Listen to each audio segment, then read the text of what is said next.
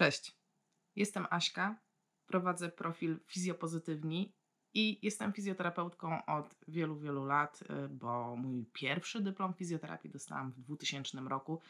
Także no jakby nie patrzeć, w chwili nagrania tego filmu to już jest 20 lat. I dzisiaj chciałam Ci opowiedzieć o ciemnej stronie fizjoterapii, czyli o tym, o czym prawdopodobnie nie przeczytasz na forach, o czym gdzieś tam się mówi w zaściankach, ale nikt nie powie Ci tego wprost, czyli o rzeczach, z którymi będziesz się musieć zmierzyć, jeżeli chcesz zostać fizjoterapeutą. Jeżeli bycie fizjoterapeutą to jest Twoje marzenie, być może rozważasz to, że tak, fajnie byłoby pójść na te studia, to właśnie ten filmik jest dla Ciebie.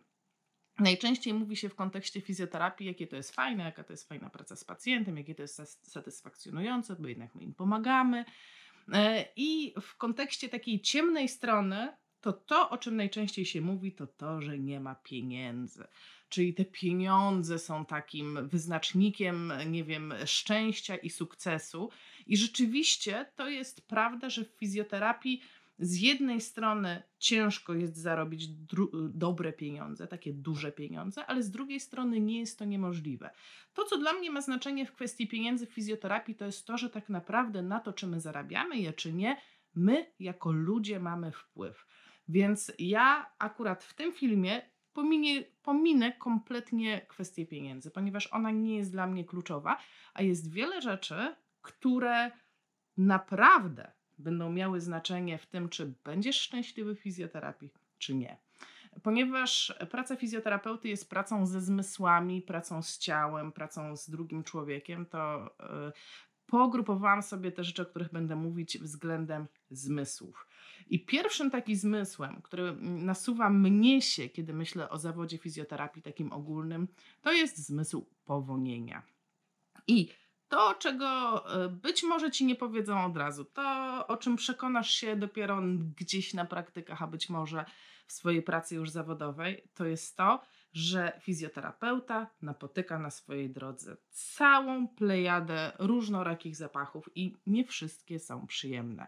I można zacząć od takich rzeczy typu wchodzisz do szpitala i sam szpital ma taki specyficzny zapach, który i niektórzy go tolerują, a niektórzy go nie tolerują. I jeżeli dla ciebie to jest problem, no to trzeba przemyśleć to. Oczywiście, no można powiedzieć, nigdy nie będę pracować w szpitalu, być może to jest prawda, ale przez 5 lat studiów będziesz bywać w szpitalach, będziesz się musiał e, czy musiała zmierzyć z tymi zapachami. I zapach szpitalny to jest tylko e, małe preludium tego, co będzie dalej, ponieważ najciekawsze zapachy dopiero się zaczynają na E, oddziałach typu przewlekła neurologia, geriatria, domy opieki, zole. Generalnie człowiek, który leży, ludzie, którzy leżą, wymagają bardzo dużej opieki, wymagają wsparcia we wszystkich czynnościach, które wykonują, też w czynnościach higienicznych i no po prostu to nie pachnie najładniej. To, co my zostawiamy za sobą w drzwiami to, za drzwiami w toalecie, to e, z osobami leżącymi jest czasami przez e, dłuższy czas w ciągu dnia. I to, co z takich zabawnych rzeczy, które będą ci towarzyszyć, to będzie zapach kupy, to będzie zapach moczu, to będzie zapach. nie wiem, e, gazów, bąków puszczanych przez pacjentów. Wielu pacjentów ze względu na swoją chorobę nie kontroluje gazów i to są rzeczy, które dla nas muszą być absolutnie normalne i to w żaden, w żaden sposób po prostu nie może nam przeszkadzać. Więc nastaw się na to, że jeśli chcesz zostać fizjoterapeutą, po prostu e, bączek musi być dla ciebie jak najbardziej akceptowalną sprawą i nie powinien sprawiać e, no, generalnie żadnych problemów. I tak sobie myślisz, dobra, to ja nie będę pracować z ciężkimi ludźmi, to ja nie będę pracować w szpitalu, to ja nie będę pracować na oddziale, to ja będę pracować z dziećmi. Dzieci są słodkie i pachnące, one pachną pudrem. E, I trochę tak, ale z tego, co mówią terapeuci dziecięcy, to owszem, samo dziecko pachnie bardzo ładnie, ale pampers, czyli ta pielucha pełna e, sików, e, bo to jest tak, że jak masz dziecko, to wkładasz je w pampersa i jak ono zrobi, nie wiem, jedno siusiu, to tego pampersa od razu się nie biegnie i nie wymienia, a tym bardziej nie przerywasz terapii, jeśli tylko zrobiło siusiu. I zasikany pampers po prostu, że tak powiem, brzydko wali. I teraz, no to musi być dla ciebie po prostu akceptowalne, ponieważ jeżeli będziesz pracować z dzieciakami, pewnie zetkniesz się z tym zapachem. E, pomijam takie zapachy typu rany, które są zakażone, a będziemy mieć z nim styczność. Bardzo często to właśnie my wykonujemy e, zabiegi na takie ciężko gojące się rany, ponieważ tam się robi laseroterapię, tam się włącza fizykoterapię jako część leczenia. Więc to będzie ci towarzyszyło na każdym kroku. E, jeżeli zdecydujesz się pracować z pacjentami takimi, w cudzysłowie powiem, zdrowymi, czyli takimi, którzy są w stanie przyjść do ciebie, to takim e, zapachem, który będzie ci towarzyszył na co dzień, będzie zapach potu. E, I o ile zapach potu nie stanowi żadnych problemów, jeśli jest świeżutkim potem, ponieważ to jest troszkę tak jak na siłowni, czy jak sam pójdziesz pobiegać, może nie jest to najprzyjemniejsze na świecie, ale absolutnie akceptowalne. E, o tyle bardzo często zdarza się w przychodniach, w, w, takich, e, w takich instytucjach, gdzie ten pacjent przychodzi, że on jest tak przejęty tym, że przychodzi do ciebie na zabiegi, załóżmy 10 dni z rzędu, że przez 10 dni ma specjalne ubranko, specjalne e, od A do Z, łącznie ze skarpetkami, z koszulką, wszystko zaplanowane do ciebie na zabiegi tylko przez 10 dni to samo. I wtedy zaczynasz się zmierzać z zapachem potu przechodzonego albo zapachem potu przechodzonego e, i związanego ze sztucznymi ubraniami typu rajstopy. Rajstopy niesamowicie dają czadu. I jeżeli oglądasz internet, jeżeli przeglądasz sobie Facebooka, to tak naprawdę można tam znaleźć sporo takich fizjoterapeutycznych memów, tak e, zawoalowanie mówiących, kochani pacjenci, jak przychodzicie do nas, błagam, zmieńcie skarpetki, umyjcie się, weźcie prysznic, e, bo nam to przeszkadza. E, I prawda jest taka, przynajmniej moja, ja to tak widzę, że o ile mam pacjenta, który nie ma wpływu na to, że nieładnie pachnie, który nie ma wpływu na to, że jest leżący, nie ma wpływu na to, że ma ranę, czy jest może z ograniczonym kontaktem, że jest ciężko poszkodowany i po prostu nieładnie pachnie, chociaż do tych zapachów spokojnie można się przyzwyczaić. O tyle frustrujące jest to, jeżeli przychodzi człowiek, który ma absolutnie władzę, żeby się wykąpać, tylko po prostu tego nie robi. Więc e, zapach będzie czymś, co będzie ci towarzyszyło przez całe życie. I w zawodzie fizjoterapeuty będzie trzeba się uodpornić na wszelkiej maści różne dziwaczne zapachy, nie zawsze kojarzące się pozytywnie. Drugą rzeczą, na którą trzeba będzie się uodpornić, to będą bodźce wzrokowe. Już pomijam takie rzeczy, że no jakby oczywiste jest, że jeżeli kończysz studia medyczne, no to musisz się uodpornić na widok deformacji kończyn, na widok y, otwartych, y, nie wiem, y, ran, czy śródoperacyjne jakieś zdjęcia, bo to będziemy, mm, to będziemy po prostu przerabiać i w toku studiów, i później możesz się spotykać z takimi obrazami. Atlasy anatomiczne są robione na martwych ciałach, na zwłokach, więc to nie może cię odstręczać, to nie może cię odrażać. Nie może cię odrażać mm, widok na przykład twarzy, z której zdjęto skórę, bo będziesz się uczyć tych mięśni. E, I to jest jedna strona, no bo to trzeba się w jakiś sposób tego nauczyć. E, niektórzy będą pracować, e, będą związani z chirurgią, więc będą się spotykać faktycznie z tymi ranami, ale są takie rzeczy, które, no można sobie powiedzieć, no nie, no ja nie będę z tym pracował, nie chcę widzieć krwi, nie interesuje mnie to, ale tak czy inaczej napotkasz się na rzeczy, które mogą być w pierwszym momencie dla ciebie mm, dziwne, odstręczające i z tym trzeba się uporać. E, troszeczkę pomogą w tym studia, ale im bardziej jesteś odporny sam z siebie, tym uważam lepiej. I takim czymś na przykład są e, czy choroby skórne, czy zmiany skórne, które wyglądają czasami bardzo nieprzyjemnie a czasami jest tak, że one w ogóle nie zarażają, nie mają żadnego wpływu na to, e, czy pacjent może ćwiczyć, czy nie. Na przykład przykładem takiej zmiany będzie łuszczyca. I łuszczyca wygląda rzeczywiście nieładnie, bo ci pacjenci mają takie, mm, e, taką skórę, która im schodzi, ona jest popękana, ona jest nieestetyczna, czasami paznokcie schodzą. I e, no to rzeczywiście może być takie niesympatyczne, ale właśnie naszą rolą i no to absolutnie naszą rolą jest po pierwsze wiedzieć, że to nie zaraża i nie ma żadnego problemu, że ten pacjent nie ma wpływu na to, że to ma. I generalnie, że no okej, okay, ma to ma. Taka szeroko rozumiana ciało pozytywność uważam zaczyna się właśnie w zawodzie fizjoterapeuty. To właśnie my jesteśmy odpowiedzialni za normowanie tego wszystkiego.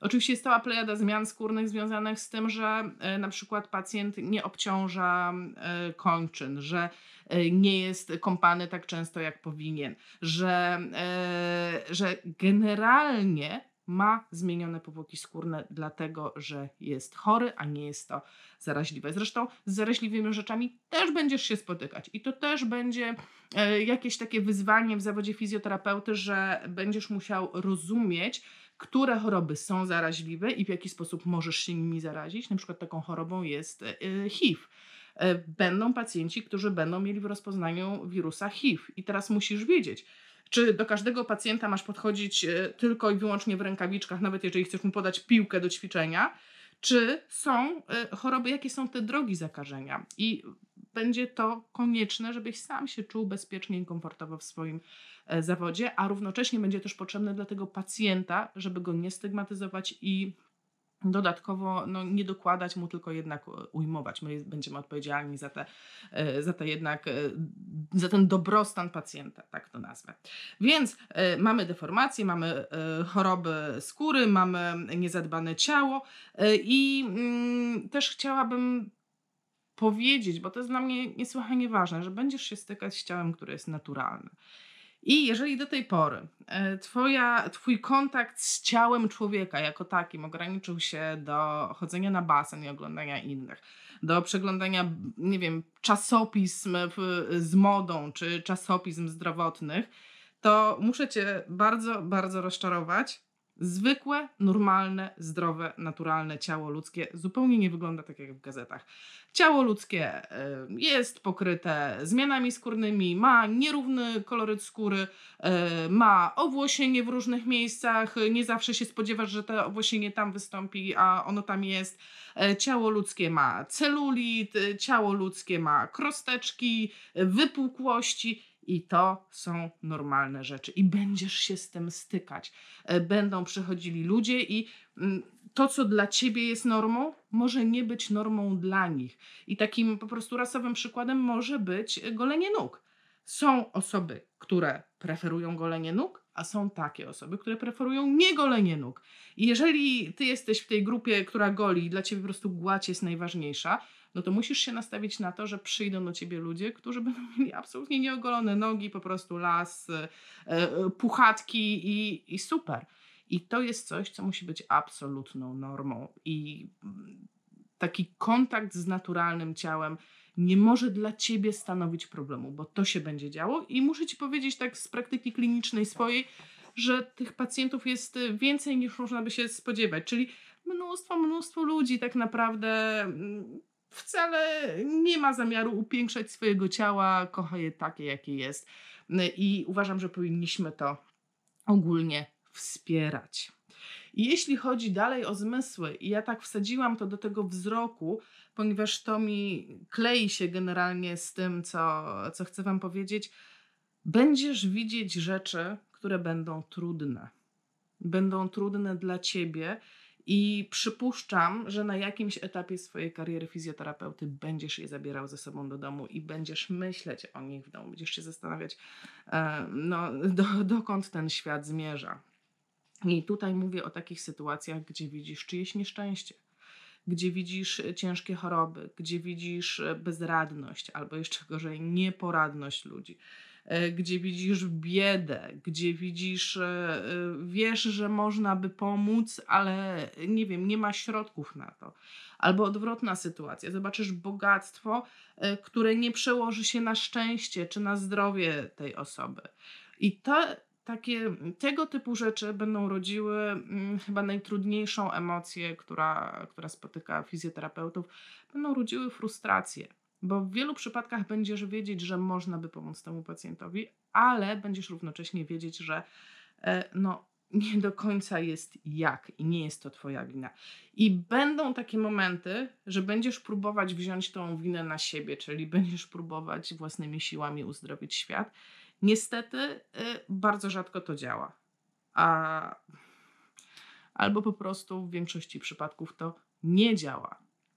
I ta frustracja, ta frustracja będzie się przerabiała, ta, przewijała tak naprawdę na wielu, wielu frontach. Ja zaczęłam ten film od tego, żeby y, od pieniędzy, tak? I niewątpliwie pieniądze na jakimś etapie mogą być frustracją, bo będziesz y, pakować w siebie kasę, będziesz się rozwijać, będziesz się starać jak najlepiej pomagać pacjentom i być może na początku nie będą szły za, to pieniądze, za tym pieniądze. I ja nie mówię, że tak musi być, ale pieniądze są czynnikiem, który frustruje fizjoterapeutów. I na tym etapie fizjoterapia w Polsce idzie troszeczkę w kierunku, mm, że tak powiem, stomatologii, tak? Czyli okazuje się, że tak naprawdę te pieniądze są i da się dobrze zarabiać, ale tylko w jednym tam konkretnym modelu biznesowym. I nie każdemu ten model biznesowy e, odpowiada i to jest, to jest po prostu super, bo zawsze powinny być osoby, które pracują w sektorze prywatnym, ale powinny, powinna też być ta opieka zdrowotna na poziomie e, NFZ-u, czyli w szpitalach, w ośrodkach, e, no bo no przecież tam powinno być też dobrze. A na ten moment, no powiedzmy sobie tak bardzo delikatnie, jest mocniej średnio w Państwowej Służbie Zdrowia, więc to na pewno będzie rodziło Twoją frustrację. E, to, czym się będziesz frustrować, też to pacjenci, którym nie będzie się dało pomóc. Będziesz wiedzieć, że towarzyszysz im w ostatniej drodze. Zaczniesz bywać na pogrzebach E, zaczniesz widzieć dzieci, które umierają, e, pacjentów, którzy pogarszają się z miesiąca na miesiąc czy z kwartału na kwartał, dlatego że chorują na takie choroby, a nie inne.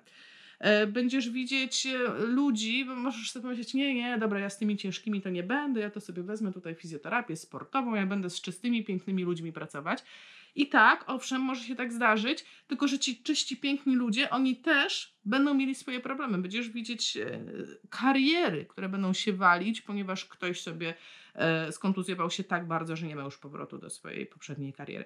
Więc nie ma takiej dziedziny fizjoterapii, gdzie byłoby łatwo, lekko i przyjemnie. Wszędzie gdzieś spotkają cię po prostu sytuacje trudne i będziesz brać udział w, w takich trudnych, emocjonalnych sytuacjach związanych z życiem Twoich pacjentów, ponieważ my z pacjentami rozmawiamy. Generalnie e, fizjoterapia trwa na tyle długo w skali dnia czy w skali jednej wizyty, że zaczynasz nawiązywać kontakt, zaczynasz znać tego pacjenta, zaczynasz znać jego rodzinę, zaczynasz znać jego życie, on ci opowiada o tym, co się dzieje. E, I jeżeli tego nie skontrolujesz, to emocjonalnie zaczynasz się włączać e, w problemy tego pacjenta. Więc to jest ważne, żeby nauczyć się nie nosić tego do domu. Więc e, w momencie, kiedy generalnie będziesz brał udział w życiu tych pacjentów, pojawi się kolejny czynnik frustrujący rodzina. Nie twoja rodzina, chociaż ona też się będzie frustrować, dlatego że generalnie fizjoterapeuci bardzo długo pracują, więc może to być frustrujące, ale rodziny pacjentów. I nawet jest taki, taka anegdota krążąca wśród e, pediatrów, e, weterynarzy, e, no bo się mówi, że czy pediatra, czy weterynarz, no to ma takiego najbardziej super pacjenta, bo on nie narzeka, trzeba go zbadać i trzeba go wyleczyć. I wszystko byłoby dobrze w tych profesjach, gdyby nie to, że za tym, za tym zwierzakiem, czy za tym dzieckiem stoi jego rodzina, stoją jego opiekunowie. Więc trzeba się przygotować na to, że będziesz staczać różnego rodzaju potyczki z rodziną, która będzie miała najdziwniejsze wymagania. Począwszy od tego, że rodzice dzieci nie będą realizowali Twoich zaleceń i na Twoich oczach będzie, będziesz widzieć, jak de facto szkodzą swojemu dziecku, ale nie pomagają mu tak, jak powinni. I to będzie rodziło w tobie frustrację, że widzisz, kurczę, przecież powiedziałem im, jak to zrobić. No dobrze, ale oni tego nie zastosowali, to był ich wybór. Tak samo będzie z pacjentami, którzy wymagają opieki, typu pacjenci neurologiczni, pacjenci przewlekle choli, chorzy, pacjenci geriatryczni. E, I zetkniesz się z całą plejadą mm, zachowań rodziny, które będą uderzały w ciebie. E, począwszy od takich rzeczy, gdzie będzie od ciebie wymagane robienie rzeczy, których ty nie chcesz robić. E, czyli na przykład, bo w poprzednim szpitalu to coś tam, bo poprzedni fizjoterapeuta to coś tam. E, pani go wyciągnie z tego usza, pani coś z nim zrobi, pani go przymusi. Na przykład dla mnie emocjonalnie to są najtrudniejsze rzeczy do przepracowania, kiedy rodzina wymaga ode mnie, zachowań przemocowych w stosunku do pacjenta. Czyli pacjent leży w łóżku, mówi aktywnie nie, zostawcie mnie, nakrywa się kołdrą, ale pomimo tego rodzina stoi, nie, pani go wyciągnie na siłę. E, nigdy bym tego nie zrobiła. Po prostu, e, po prostu to by było zachowanie przemocowe. Musiałabym użyć przemocy a mimo to spotkasz się z takimi zachowaniami. Będą wymagali tak, jakbyś ty był nad człowiekiem, jakbyś ty miał inną władzę niż wszyscy inni ludzie, inne możliwości, jakbyś był supermanem. I to jest coś, e, to jest coś, co, na co trzeba się po prostu nastawić. I też jest tak, że bardzo często ta rodzina będzie chciała rzeczy nierealistycznych, czy rzeczy, które w Twojej ocenie mogą szkodzić nawet pacjentowi, dlatego że ktoś inny już to zrobił. Więc tutaj dochodzimy do kolejnej frustracji, jeśli chodzi o zawód fizjoterapeuty, czyli kontaktów z innymi medykami. I tutaj mam na myśli tak naprawdę wszystkich medyków, bo tutaj jest od sasa do lasa, tak naprawdę z każdym specjalistą będziesz mieć do czynienia w zależności od tego, jakiego pacjenta trafisz. I bardzo często będzie tak, że ten ktoś inny prowadził inaczej terapię niż ty. I nie ma w tym nic złego, no bo ludzie w różny sposób prowadzą terapię, nie ma jak do tej pory, nie wiem, sztywnych, sztywnych takich wytycznych i sztywnych norm, co się powinno w której jednostce chorobowej robić. Niemniej jakaś wiedza na świecie jest, jakieś generalnie mm, badania na temat, co jest bardziej skuteczne, co jest mniej skuteczne, również istnieją tylko że nie wszyscy się nimi interesują. Więc teraz, jeżeli ty jesteś tą osobą, która się będzie interesować tym, co rzeczywiście działa i tym, co jest skuteczne, zaczniesz mm, mieć taki problem, w jaki sposób rozmawiać z innymi osobami ze środowisk medycznych, żeby w cudzysłowie przeforsować to, co ty byś chciał robić. Czyli e, zaczniesz prowadzić dyskusje, zaczniesz e, nie chcę powiedzieć wchodzić w konflikty, chociaż czasami tak bywa, że wchodzimy w konflikty, w związku z tym, że ty będziesz uważał, że trzeba zrobić rzecz X, a kto inny będzie uważał, że trzeba zrobić rzecz Y. I bardzo często ten ktoś inny będzie miał dużo więcej siły niż ty. Będzie po prostu osobą uznaną społecznie za e, osobę z większymi kompetencjami. Więc e, co mogę, co mogę doradzić? Jakby nie ma innej drogi tak naprawdę. Zaczniesz siedzieć w papierach. Co mam na myśli? Zaczniesz śledzić doniesienia naukowe tego, co tak naprawdę w medycynie działa, jakie procedury są skuteczne, co mówi y, najnowsza wiedza na ten temat.